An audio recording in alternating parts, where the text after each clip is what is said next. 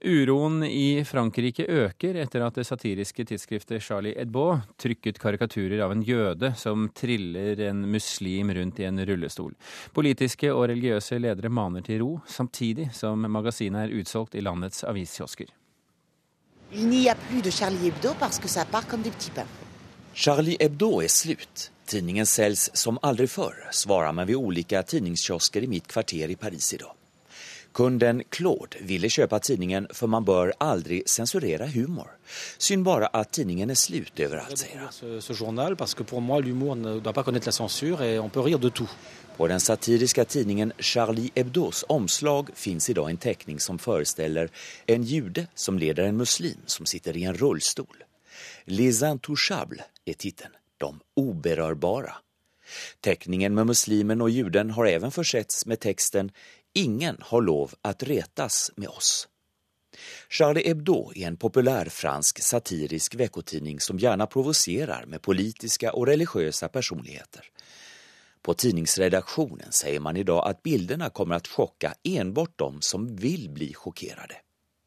Frankrikes premiärminister Jean-Marc Ayrault sier visserligen at pressfriheten er mye viktig og tidningen derfor får publisere hva den vil.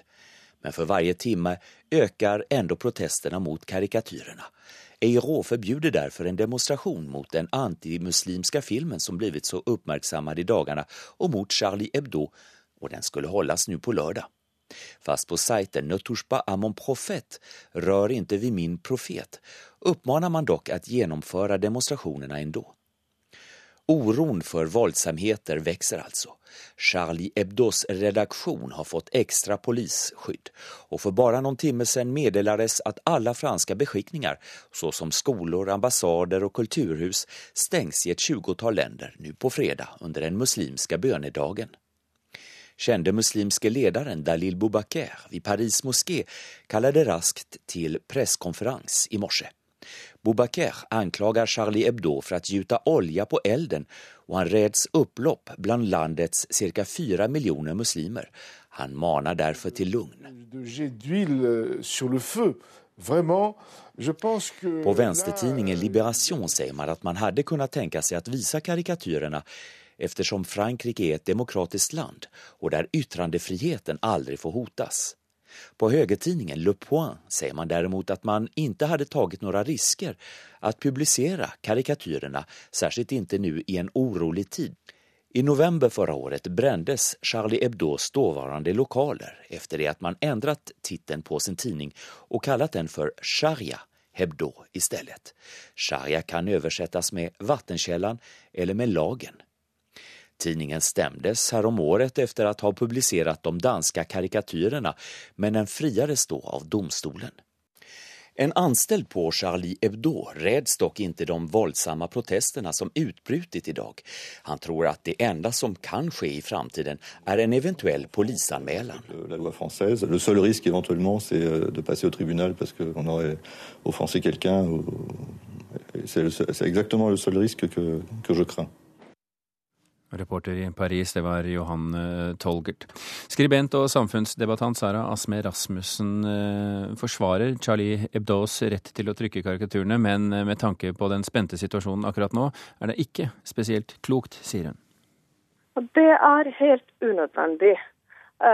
Det Man må faktisk ha også et ytringsansvar. Jeg forsvarer selvfølgelig magasinets rett udiskutable rett til å trykke uh, disse karikaturene. Men samtidig så syns jeg ikke det er klokt. Man må også faktisk uh, se på konteksten man befinner seg i. Men uh, så samtidig så tenker jeg at det kan være at deres motiv for å gjøre dette er at det trengs forsvar for Altså krass forsvar for ytringsfriheten for å til slutt komme frem til en slags løsning på eh, dette spenningsforholdet. Flere land stenger nå YouTube, eller forsøker å begrense YouTube for å hindre folk i å se filmen som det har vært snakk om i det siste, 'Innocence of Muslims'. Mm. Tyske myndigheter ønsker å hindre, filmen, hindre at, at filmen settes opp på kino. Hva syns du om det? Ja, på en måte forståelig, fordi man ser hvor, uh, hvor voldsomme reaksjonene er, og man er redd for at det skal ta helt av. Men, uh, og myndighetene jo har et ansvar for å uh, holde situasjonen under kontroll. Samtidig så mener jeg at denne filmen, jeg har sett deler av filmen, den er helt latterlig, fryktelig dårlig. Men den har faktisk rett både til å bli eh, Produsenten har rett til å produsere den, og de som ønsker å vise den, har rett til å vise den. Eh, men så kan myndighetene ta de beslutningene eh, som de må ta for å holde situasjonen under kontroll. Men, men er dette et tegn på at ytringsfriheten er truet? Ja, den er selvfølgelig truet. Det er faktisk en absurd situasjon at eh, veldig dårlige, svake religionskritiske innslag eller produksjoner kan føre til opprør i mange land i verden. Jeg tenker at dette viser hvor viktig det er med eh, intelligent og saklig eh, religionskritikk. Eh, og å få forsvare uh, ytringsfrihet det er et fundament i ethvert demokrati som ikke kan ofres uansett. Ja, det sa Sara Asme Rasmussen da jeg snakket med henne litt tidligere i dag.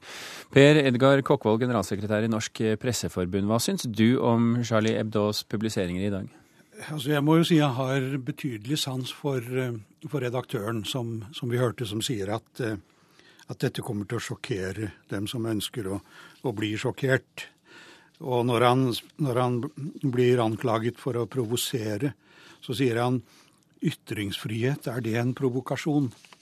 Ehm, jeg ber ikke strengt troende muslimer om å lese Charlie Hebdo, akkurat som jeg selv ikke ville gått i, i en moské for å høre på taler som går imot alt jeg tror på, sier han. Og jeg jeg minnes altså hva eh, Salman Rushdie sa, at vi har de friheter vi kjemper for, og vi mister de friheter vi ikke forsvarer. Og friheten til å krenke eh, religioner og politiske ideologier, det er bortimot et absolutt. Det er bare menneskeverdet som, eh, som er ukrenkelig. Altså hvert enkelt menneskes absolutte verdi, uavhengig av rase, religion og opprinnelse.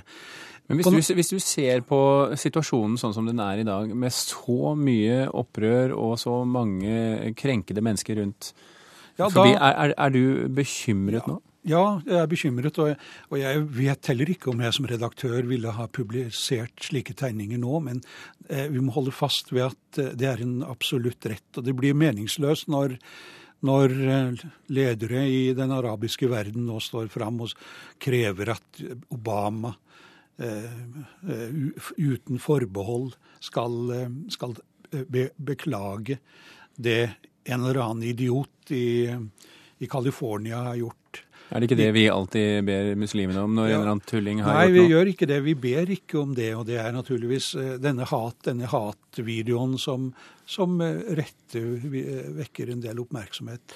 Det er en video, men det ligger jo hundrevis av hatvideoer fra muslimsk hold. Til og med videoer hvor hvor islamister og terrorister kapper strupene av folk og hodet av folk. Men du du sier, at du ikke nødvendigvis ville trykket eh, disse bildene hvis du var redaktør. Eh, hvorfor ikke? Nei, og det har noe med Altså, lar vi oss skremme?